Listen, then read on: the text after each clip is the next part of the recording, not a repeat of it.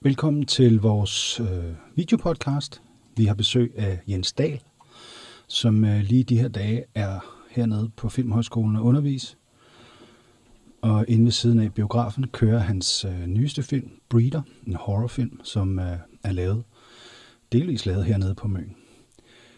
Hej Jens. Hej, tak fordi du mig. ja.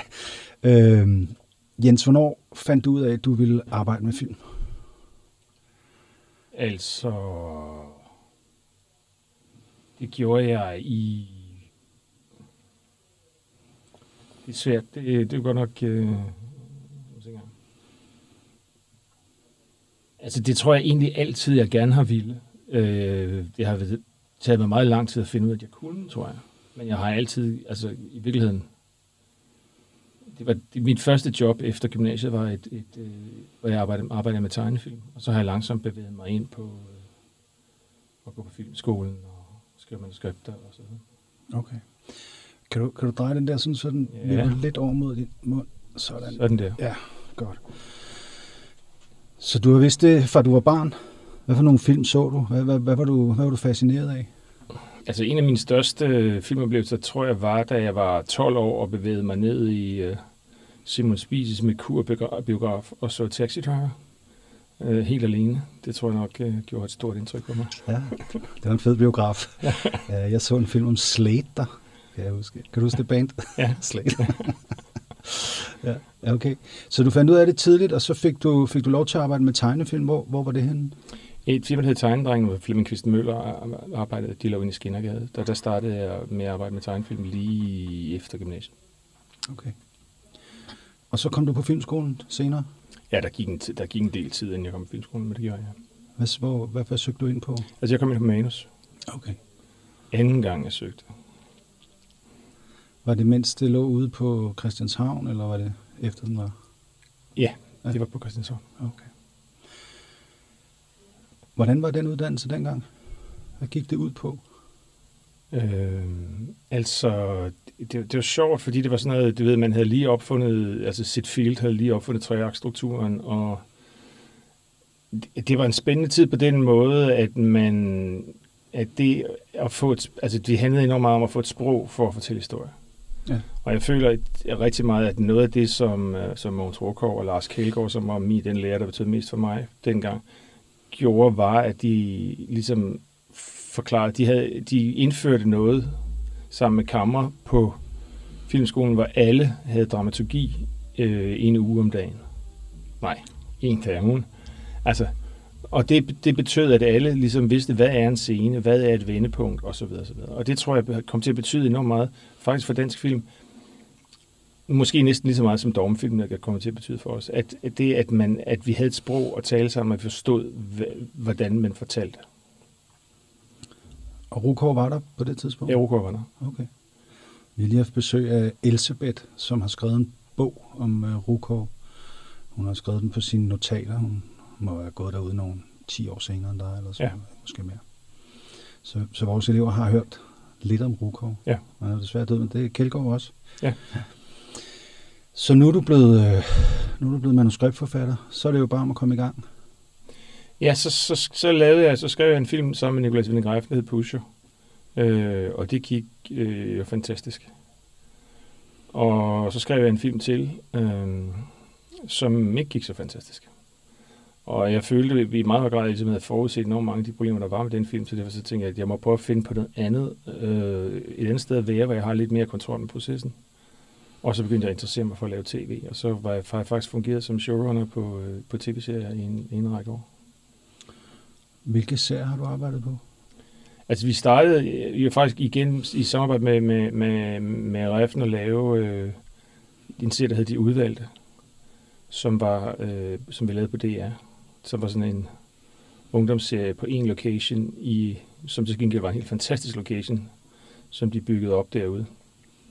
Og, øh, og så var sådan en, sådan en slags fantasy-serie faktisk, og måske ikke faldt så godt ind i DR's øh, drama på det tidspunkt, som, hvor kravet var, at det var, skulle være meget, meget bredt. Og det var i høj grad en ungdomsserie, som landede klokken 8 søndag aften. Og det gav så de problemer, som det naturligt nok gav. Ja, jeg kan godt huske den. Ja. Godt huske den. Var det sådan et kollektiv, eller Ja, det var et kollektiv, Ja, ja, ja. og så var der en underliggende historie. Noget overnaturligt? Eller? Ja, ja. Okay. Øhm, senere har du så arbejdet med andre serier. Har du, øh, har du arbejdet med nogen, du selv har udviklet helt fra bunden, eller har du altid arbejdet sammen med en anden manuskriptforfatter? Øh, jeg har næsten altid øh, på den ene og den anden måde arbejdet sammen med andre. Altså, det, det er noget af det, jeg holder af ved at arbejde med film i det hele taget, det er det kollaborative. At det, der, det er, at man, at man kan hjælpes ad, eller at nogen er bedre til noget, end man selv er. Synes jeg er noget af det, der, der er det interessante ved at arbejde med film. Det kollektiv. Som jo så egentlig, det er jo egentlig ikke kollektivt. Det handler, men det handler om at få det bedste sammen, bedste frem. Altså det, som ofte så er der en vision, men, men det handler om at få det bedste frem i dem, du arbejder sammen med. Okay.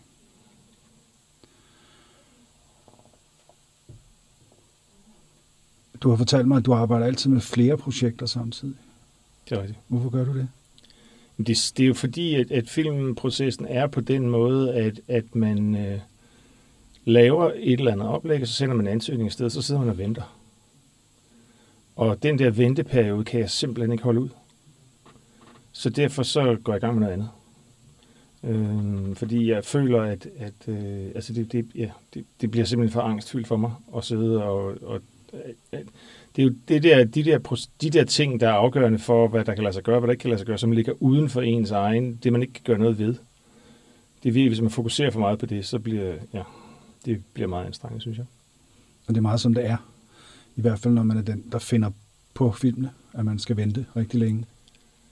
Øh, der, der er bare, der er jo nogle processer, der er nogle, der er nogle, der er nogle huller imellem. Altså, man laver noget det er til en vis grænse, så skal nogen øh, se det øh, og tage stilling til, om, der, om det kan finansieres videre, eller øh, nogen skal tage ud i verden med det og prøve at se, om de kan finansiere det. Øh, øh, og på den måde er det bare, øh, ja, det, det, det er jo, hvis, hvis man bliver for meget hængt op på den proces, så er det for, og det er også for hårdt at få afslagene, hvis man ikke er gang noget andet og sådan noget.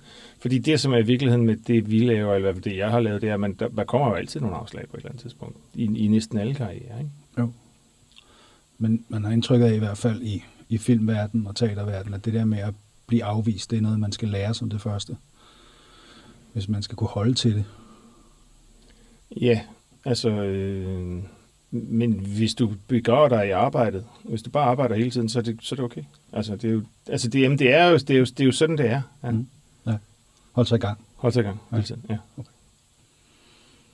Hvordan er det at arbejde på Danmarks Radio? Altså, hvordan er det at være i sådan et stort apparat for dig?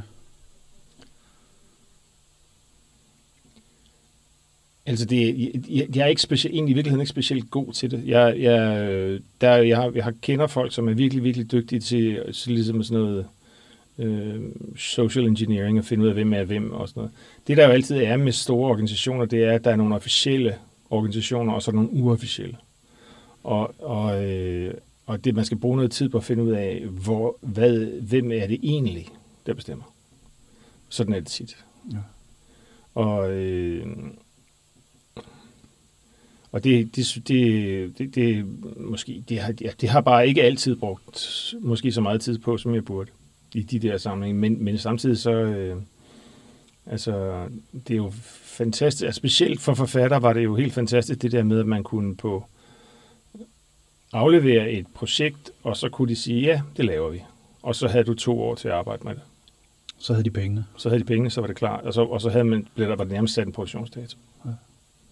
Du har været på Sommer, den serie, der handlede Ja. om en lægefamilie, Ja. tror jeg. Ja. Ja. Hvordan var det? Jamen, altså, det var, øh, det var noget, jeg udviklede selv. Og, øh, og, og mine idéer med det var nok øh, på sigt anderledes end DR's, og så er jeg indtaget med at forlade det igen. Det er en svær historie, ligesom sidde og... Altså, det, er ja, men det, det var... Det blev for mørkt, og så ville de have, at det skulle være lysere, eller hvad? Ja, altså jeg havde, jeg vil sige, jeg vil sige sådan her, jeg, da jeg snakkede med Ingolf Gabold om det oprindeligt, så sagde jeg, at det her, det øh, bliver en, når du ser første afsnit af det her, så tror du, det er landsbyen 4. Og, og så langsomt vil du øh, opdage, hvor langt ude folk på landet i virkeligheden er.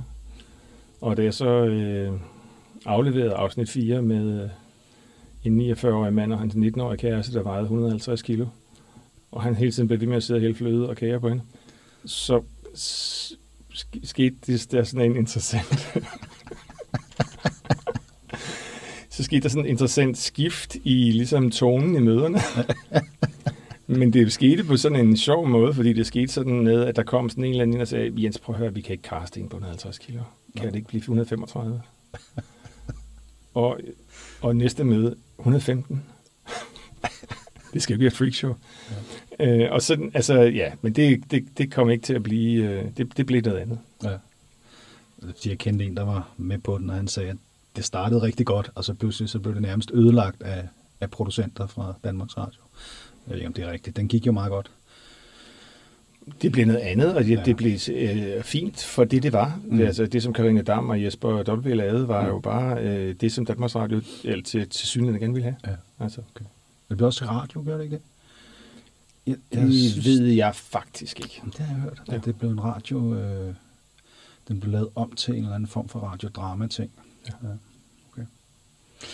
Lad os lige vende tilbage til Pusher, fordi jeg tror ikke, vi har haft en elev på skolen af de 200-300, vi har haft indtil nu, som ikke var fan af den film. Den er fra 96. Og, og jeg tror ikke, vi har haft mange elever, der var født i 96. Den har bare et eller andet, altså, som ja, ikke ret mange andre danske film har. Måske Blinkende Lygter kender de. Men, men Pusher, den, den står helt klart øverst på rigtig, rigtig mange, specielt drengenes øh, liste. Hvad var det, der gik så fantastisk godt med den film? Altså, jeg, jeg bliver nødt til at give virkelig, virkelig, virkelig meget af æren for det til Nikolaj Sendingreifen, fordi det var ligesom, det, altså det var ham, der havde en vision. Han hævde fat i mig, fordi han vidste, at jeg havde haft, øh, altså jeg havde, prøv, jeg havde, jeg vidste noget om det der narkomiljø i et eller andet omfang, og derfor så hævde han fat i mig, og så, og så sad vi sammen og arbejdede med den i en lang periode. Men det er øh, rigtig, rigtig, rigtig meget ham og hans idé om, hvordan man kunne lave en, en, en krimihistorie i Danmark og, for København, og vise en side af København, som man ikke havde set før.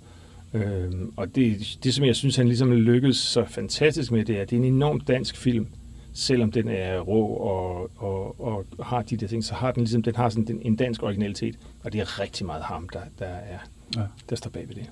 Okay. Men er den skrevet, eller er den improviseret frem, når du ser den ja. efter? Altså, altså, den er, den, altså det, det, det, er sådan, det er sådan underligt både over.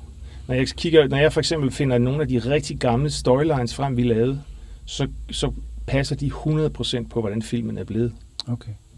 Altså, der er scener, der er nærmest, du kan nærmest sidde, sidde med de der... Omvendt så er noget af indholdet af scenerne øh, klart blevet bedre, og der er klart, øh, altså både Kim og Mads har fyret den af og, og, og skrevet ting ind, ikke? Men jeg tror ikke, ja, du skal næsten snakke med Yang om de der processer ja, ja, mere, end du skal ja, snakke med mig om det, ja. fordi jeg, jeg var også, ligesom på det, på det tidspunkt, hvor de der ting blev lavet og ændret, der var jeg stået af, og var videre med andre ting. Ikke? Okay. Hvis man nu er, som dem du underviser i øjeblikket, er ung og vil ind i den her filmbranche, hvad skal man gøre? Altså, man skal lave film. På den ene eller anden måde. Jeg synes det, og jeg synes, øh, at, at mulighederne har aldrig nogensinde været bedre fordi altså, alle har nu et kamera. Da jeg startede ud, var det at have et, altså jeg kan huske, at første gang jeg gik på Biskops Arnøs Folkehøjskole og fik lov til at låne et videokamera og prøve på at lave en film, det var fuldstændig vildt at kunne overhovedet filme noget. Mm. Nu kan alle filme, og alle kan tilegne sig filmsproget, og, og man skal bare lave noget, man skal bare arbejde hele tiden, og man skal prøve på at finde noget. Altså jeg, jeg, jeg synes, der er to elementer af, af det at være filmskaber og kunstner i det hele taget. Og den ene, den ene ting, man skal øve sig i, det er at se verden og være nysgerrig på verden. Man skal opdage noget, som de andre ikke har opdaget.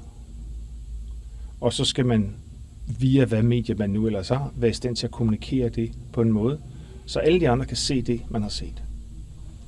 Og det er virkelig det, det, det, er, det er interessant at se, altså, og det synes jeg gælder, om, om man er moderne danser, eller fotograf, eller øh, postkortmaler, eller hvad man er, så, så synes jeg, det er det, der, det er det, der gør forskellen, det er, at man rent faktisk har set noget, og man kan flytte det, man har set, over til det, man, til, til, til, til noget, som, man, som, som nogen kan have værdi af. Og det, jeg synes, man oplever enormt tit, når man er i, i kreative miljøer, det er, at der findes folk i begge ender af spektret. Der findes folk, som er virkelig, virkelig gode til at se. Det er dem, du holder middag med. De er sindssygt underholdende, og de kan fortælle dig helt fantastiske ting, de har lagt mærke, de har opdaget, men de er aldrig i stand til at flytte dem derfra til at blive til et værk. De kommer aldrig længere end til, at de har opdaget noget. Og så er der dem i den anden ende øh, af spektret, som er sindssygt dygtige til at kommunikere, som kan har alle mulige færdigheder, som kan spille helt fantastiske guitar soloer eller lave øh, den lækreste framing og forstår alt omkring at kommunikere. Men de har ikke noget at sige. Det at kunne spænde fra den ene side, og det at have noget at sige, og have mod til at holde fast i at tro på sin idé, og få den ført igennem til at blive til et værk. Og kunne holde til, at der kommer en feedback, og nogle gange bliver det forstået, og nogle gange bliver det ikke forstået. Men det er ligesom det, det, det, er det der kræves. Og jeg tror, man skal i et eller andet omfang øve sig i begge dele. Man skal øve sig i at have nogle færdigheder, men man skal også øve sig i at se verden og være nysgerrig på verden. Kan man lære at se, eller er det noget, man bare kan? Jeg, jeg tror i virkeligheden, det altså på lidt på samme måde, som terapi handler om at finde ud af, hvem man selv er. Det, der man, det, det du ser enormt meget på filmskoler, øh, eller, og alle mulige andre kunstskoler også i virkeligheden, det er, jeg vil gerne være en filminstruktør ligesom. Jeg vil gerne være øh, en ny De Palma, eller jeg vil gerne være en ny Scorsese, eller jeg vil gerne være... Og det, du skal ikke, det skal man ikke. Man skal være en ny sig selv. Der er selvfølgelig ikke noget galt i at lære noget af, af de andre, men det handler, om, altså, det handler om at finde ud af, hvad er det, der rører sig inde i mig? Hvad er det, hvor, hvor er det, hvad er det i verden, som, hvor, som resonerer i mig? Hvordan kan jeg bruge det? Hvad er det for nogle historier, som betyder noget? Og det, det er der, hvor det unikke kommer frem. Det er der, hvor det nye kommer frem. Det, og det er der, hvor det spændende kommer frem. Så man skal tage det fra sit eget liv? Eller skal man, eller er det det, fordi det er jo noget af det, vi taler meget om her, det er det der med, prøv nu at starte med at fortælle noget, du ved, eller noget, du ved noget om. Ja. Øh, så kan du senere fortælle noget om noget, du har set, hvis du forstår. Altså, vi prøver ligesom at lære dem at, at fortælle meget sådan forholdsvis enkle og banale historier mm, om noget, de ved. Ja. Og så få det til at fungere. Altså, det der, når man nu har været rundt om blokken et par gange, så må man sige, at omvendt så er der, der er, vi, er jo, vi er jo en tid, hvor identitetspolitik betyder helt ekstremt meget, og hvor afsenderen for værket øh, betyder helt ekstremt meget. Også altså på alle, på, både, i forhold til, både i forhold til kritikere og i forhold til folk, der finansierer, i forhold til alt muligt. Og, og, øh, og jeg synes, det er, øh, jeg synes nogle gange, det er problematisk, at, øh, at hvis det er sådan, at øh, brune kun kan få lov til at lave film om brune, og kvinder kun kan få lov til at lave film om kvinder, og altså, at vi, vi er jo mennesker, der ser, og det, det synes jeg er, jeg, jeg synes, man skal, øh, lige så vel som en skuespiller kan spille forskellige roller, øh, og man godt kan spille homoseksuel, selvom man ikke er det, eller omvendt, som vi har jo set masser af, mm. spille heteroseksuel, selvom man ikke er det, mm. så, så kan man også som, som, øh, som filminstruktør interessere sig for et område, der ikke nødvendigvis er ens eget liv. Det synes jeg, og det synes jeg, man skal have lov til, fordi nogle gange så er det faktisk det der blik, der kommer udefra på noget, som er lige så værdifuldt som det blik, der kommer indenfra men, men hele den her identitetspolitiske agenda, og nu har vi MeToo, anden omgang osv., det er jo noget, der kommer nedefra og kommer fra, forestiller jeg mig, kommer fra ungdommen. Er det ikke sådan, fremtiden ser ud? Altså, og hvis, og hvis den ser sådan ud, hvad, hvad er så din opgave som en moden mand? Jamen, jeg ved ikke, jeg ved ikke, altså, jeg ved ikke øh, om, altså, skal det kun være gangster, der har lov til at lave gangsterfilm? Jeg, jeg, jeg, jeg, altså, jeg, jeg, kan, jeg, kan, jeg kan ikke øh, helt, øh, altså... Øh... Men er den ikke tabt? Ser det ikke ud som om, at den er tabt? Jeg, jeg, jeg spørger bare, fordi jeg synes, det er sindssygt interesseret, eller jeg er sindssygt interesseret i det, og jeg, jeg er jo selv en gammel mand, og jeg diskuterer det også med eleverne. Altså, jeg synes jo, jeg synes jo, at vi ældre på en eller anden måde skal være søjler og tro på det, vi tror på. Vi kan jo ikke bare flytte os for, ligesom, hvad de unge vil. Jamen, jeg ved ikke, altså jeg, ved, jeg, er ikke, jeg er ikke sikker på, altså jeg for det første er ikke sikker på, at det nødvendigvis er unge. Jeg, jeg, jeg tror mere, at det er en, altså, det, jeg tror, det er en gruppe. Jeg, jeg, tror, jeg tror ikke, det er nødvendigvis er unge. Jeg tror, det er måske en, en gruppe, som, som man hører meget på lige nu. Men jeg tror på, at i sidste ende, så må værkerne tale for sig selv. Jeg, jeg er ikke, øh, altså, altså jeg, jeg er egentlig ikke øh, specielt interesseret i kulturpolitisk arbejde. Jeg er bare, jeg er bare der, der, hvor jeg øh, nogle gange stikker hånden op, det er, når øh, den kulturpolitiske agenda står i vejen for, at man kan lave sit arbejde ordentligt. Og gør den det? Altså det gør det jo, hvis du for eksempel bliver forhindret i at kaste spillere, fordi de skal have en speciel seksuel orientering for at kunne spille en bestemt rolle. Det synes jeg er vanskeligt. Øh, det kan det potentielt gøre. Ja. Vil du anbefale vores elever at søge ind på skolerne, eller vil du anbefale dem at gå i gang med at lave film? Altså, jeg synes, der er, jeg synes, der er noget helt fantastisk ved at kunne gå, for eksempel at komme ind på filmskolen og kunne bruge fire år på øh, og blive bedre til, og, til, det, man, til, det, man, til det, man gør, og kunne interessere sig, lære at interessere sig for det, man interesserer sig for, altså finde sig selv som, som kunstner. Det synes jeg er... Øh, jeg synes, der er en diskussion omkring, hvad handler, hvad, hvad er det egentlig? Øh, hvad er det egentlig, en filmuddannelse skal kunne i dag? i forhold til, hvad den skulle kunne, da jeg gik der. Fordi jeg føler, at hvis vi nu for eksempel tager den danske filmskole, så føler jeg, at øh, der er ingen lærerrække, øh, de kan stille op med, som kan hamle op med, hvad du kan finde på YouTube. altså, der er intet, der er intet, vi kan, vi kan, i forhold til færdigheder på den måde, der kan du aldrig nogensinde, du, kan ikke komme, du kommer ikke i nærheden af det, der ligger derude. Øh, det du derimod kan gøre som lærer på filmskolen, det er, at du kan se det enkelte ved den enkelte, sige, jeg kan se dig, jeg kan følge dig, jeg kan høre dig, og som, som kunstner og følge din udvikling og tale med dig om den. Og det kan du ikke finde på YouTube. Altså, og det, jeg tror, det er den, jeg tror, at man skal kigge på det øh, som det væsentlige i undervisningen i højere grad end øh, fagligheden som sådan, fordi Altså selvfølgelig er det klart, at, at men, men den kommer som en natur, skal komme som en naturlig del af den kunstneriske udvikling, øh, og, at, øh, og individets evne til at finde det, der øh, interesserer dem. Og jeg synes øh, i meget høj grad, at det er en, er ligesom en forlængelse af den linje, som Maren Bro har lagt på Filmskolen, og som har gjort, at rigtig mange af hans elever har fået virkelig, virkelig meget succes. Mm. Fordi en færdighedsuddannelse, der er en risiko for, at du kommer ud og har en masse færdigheder, og siger, jeg kan lave en komedie, jeg kan lave en dokumentarfilm, jeg kan lave alt muligt, men hvad vil du lave? Fordi i sidste ende, det der lykkes, det er der, hvor, det er der, hvor du er, er villig til at yde et smule ekstra. Og det kommer ikke af, at øh, altså det, det kommer af at virkelig, at, at det kommer indenfra. Og det er noget af det, der har gjort, at, at, at så mange af hans elever, fordi de har brugt så meget tid på at finde ud af, hvad de virkelig, virkelig interesserer sig for. Og du står meget bedre, når du kommer ud, og du er meget bedre til at vælge de rigtige samarbejdspartnere, de rigtige projekter øh, og de rigtige muligheder, hvis det er derfra, du kommer. Her til sidst lad os tale lidt om øh, den nye film, Breeder, som øh, de sidder og ser lige nu, inde ved siden af. Hvorfor en horrorfilm? Altså, Hvad har du set? Hvad har du set, som får du tænkt, det skal fortælles med en horrorfilm? Jeg synes... Øh...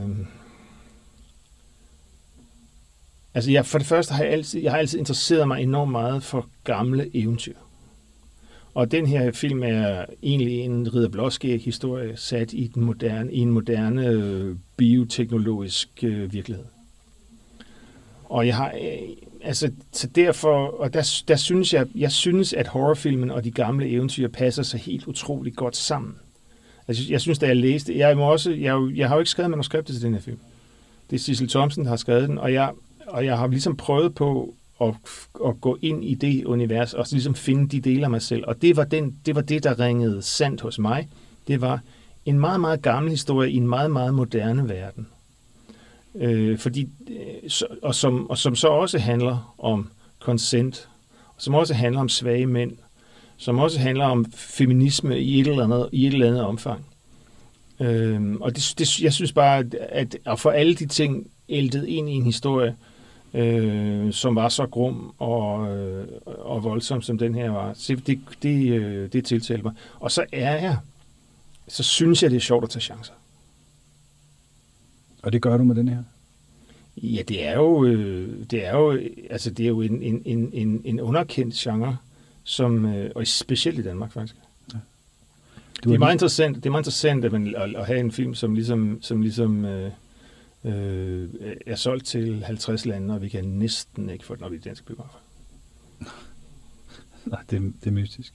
Men jeg synes nogle gange, jeg, når jeg sådan har set på internettet, og også hvad jeg har læst, I har lavet om den, dig og din forfatter, at der er sådan en slags, slags disclaimer på den. Altså det er ligesom, der er noget, I undskylder på forhånd. Er det rigtigt set? Altså, jeg, jeg, jeg synes ikke, vi undskylder noget. Øh, jeg synes, at vi øh, ikke kan lade være med at være i en... Øh, vi lever i en virkelighed, hvor der jo findes et, et segment, øh, som mener, at man overhovedet ikke skal lave film, hvor der er vold mod kvinder. Og det er der. Det er der. Ja. Så det er for at, at ligesom prøve at lukke den på forhånd af, Jamen, jeg har ikke, der, er jo ikke, der ligger jo ikke en stor strategi i det andet, end at man bare gerne vil være foran diskussion og sige på, at der er en, for, der er en grund til, at vi har lavet det her. Vi har ikke lavet det, altså, altså ja. Men der er altid nogen, der kan bruge en hvilket som helst øh, situation som køretøj for deres egen agenda, ikke? Jo, jo, men det er jo den, det er jo den virkelighed, man, man er i. Altså, det er jo, det er jo ikke, altså, det, er også, det skal de jo også gøre, jo. Altså, skal de det? Ja, hvis de tror på det. Ja. Altså, det skal man, de, de bliver nødt til, man bliver nødt til, man bliver nødt til at, og, altså, øh, det er jo ikke sådan, at man skal, kan, kan lave sådan en film som den her, ikke regne med, at nogen vil give den en eller anden form for modstand. Nej, det er klart. Det, og det må der vel også godt komme, men, ja. men jeg ved ikke, jeg har hørt en sige i dag, at det gode argument må vige for den suveræne følelse i de her tider. Altså følelsen kommer før øh, det valide argument. Så alles følelser skal ligesom tages til mere indtægt, end hvad der er rent og skær fornuftigt. Jamen, det er jo vores tid. Det er, vi, er, vi, vi lever i, vi, vi lever i en, en, altså en, det er på grund af de sociale medier, og så lever vi i en tid, hvor følelserne bliver helt utrolige. Det er utroligt vigtigt. Hvis du kan, hvis du kan stampe en følelse op, så, så er der meget mange flere. Men sådan har det måske egentlig altid været. Altså, i virkeligheden, så er det jo også, altså, når nogle politiske partier har kunnet pludselig vinde, øh, så, så er det fordi, de, de har været i stand til at tale til folks følelser. Det har jo altid været, altså populisme har jo altid talt til følelser. Jeg tror egentlig ikke, det er nyt. Jeg tror bare, at det er blevet tydeligere, og så tror jeg, det er blevet mere ude af kontrol. Jeg tror, at det, der er sket, er et skift fra, at vi havde i gamle dage nogle medier, som, som man havde lært i, fra magthavernes side på en eller anden, eller kapitalens side på den en eller anden måde at kontrollere. Nu tror jeg, at det i hvert fald for en kort periode er ude af kontrol. Og det er klart, at det er øh, i de der huller, at det højreorienterede får en ekstrem mulighed for at sprede sig. Altså, du kan jo sige det samme om Hitler og radioen. Han fandt ud af at bruge radioen ekstremt følelsesmæssigt, og det fik vi en anden verdenskrig ud af. Mm. Og, og, og det er, er på en eller anden måde nogle af de samme mekanismer, der sker nu. Nu er der lige pludselig nogen, der finder ud af at kunne bruge de sociale medier til at trumme et budskab op, som er meget, øh, ja, som er meget ekstremt. Altså, og, og underlige konspirationsteorier, som en hel masse mennesker lige pludselig tror på. Sådan noget. Mm. Men, og jeg er sikker på, at i løbet af en overrække, så vil man finde ud af, så, så, så, vil, så, vil, altså, så vil fornuften sejre, og nogen vil begynde at kontrollere de der medier. Staten? Ja, eller pengene. Eller penge. Okay. Fordi jeg, det her det er bare min egen kæphest, men jeg har indtryk af, at når vi taler om krænkelser, og vi taler om øh, hvad hedder sådan noget, grænseoverskridende handling og sådan noget, så, så taler vi om et lille bitte ekokammer i de store byer, og så har vi et helt land af mennesker, som lever deres liv og slet ikke er optaget af de her ting. Det er ligesom om, man kan forstørre en meget lille sag til noget, som, øh, som måske nok er vigtigt, men som bare ikke rigtig optager øh, størstedelen af den danske befolkning. Altså, øh, det tror jeg faktisk ikke rigtigt. Altså, jeg, jeg tror, at det kan godt være, at der er en stor del af befolkningen, som det ikke optager. Men jeg har en oplevelse af, Øh, jeg hørte en amerikansk øh, universitetsprofessor, som sagde engang, hvis man ikke forstår det der med kvinder og det der, så kan man prøve at tage en, en gymnasieklasse, så kan man prøve at spørge drengene, hvor meget tid de bruger på øh, i deres dagligdag at forhindre øh, et seksuelt overgreb. Og så vil øh, de stå og sidde og fnise lidt, og så vil de efter et stykke tid øh, sige, at jeg undgår at komme i fængsel eller sådan noget. Og hvis du så vender øh, kameraet og så spørger kvinderne om det samme, så vil du opleve, at du får en hel liste. Jeg sætter mig altid på bagsædet i taxaen. Jeg sørger altid for ikke at gøre sådan. Jeg sørger altid for... Altså, der er en lang, der er en lang liste, som kvinder gør, for at undgå øh, de der situationer. Så jeg tror, det er en virkelighed, som er der for os alle sammen, og jeg tror, det super vigtigt, at vi får gjort noget ved den, hvis vi reelt set vil sige, at vi skal, vi skal være ligeværdige. Jeg tror ikke, at det, øh, jeg, jeg tror, at det er noget, som faktisk berører alle kvinder. Jeg tror, der er en gruppe af kvinder, specielt de ældre, som har lært at dele med det på nogle forskellige måder. Men jeg tror ikke, at det er, jeg tror ikke, at det er et, øh, altså jeg tror, det, jeg tror, det er et reelt, eller jeg er overbevist om, at det er et reelt problem. Og jeg, øh, og jeg synes, det er rigtig, rigtig vigtigt, at vi får sat noget på det, at, vi, at, det, ikke, at man ikke bare, det ikke bare er en selvfølge, at man kan ligesom, at mænd kan få lov til at opføre sig på den ene og den anden måde. Øh, jeg synes, det er virkelig, virkelig vigtigt, at vi får gjort opmærksom på de her ting.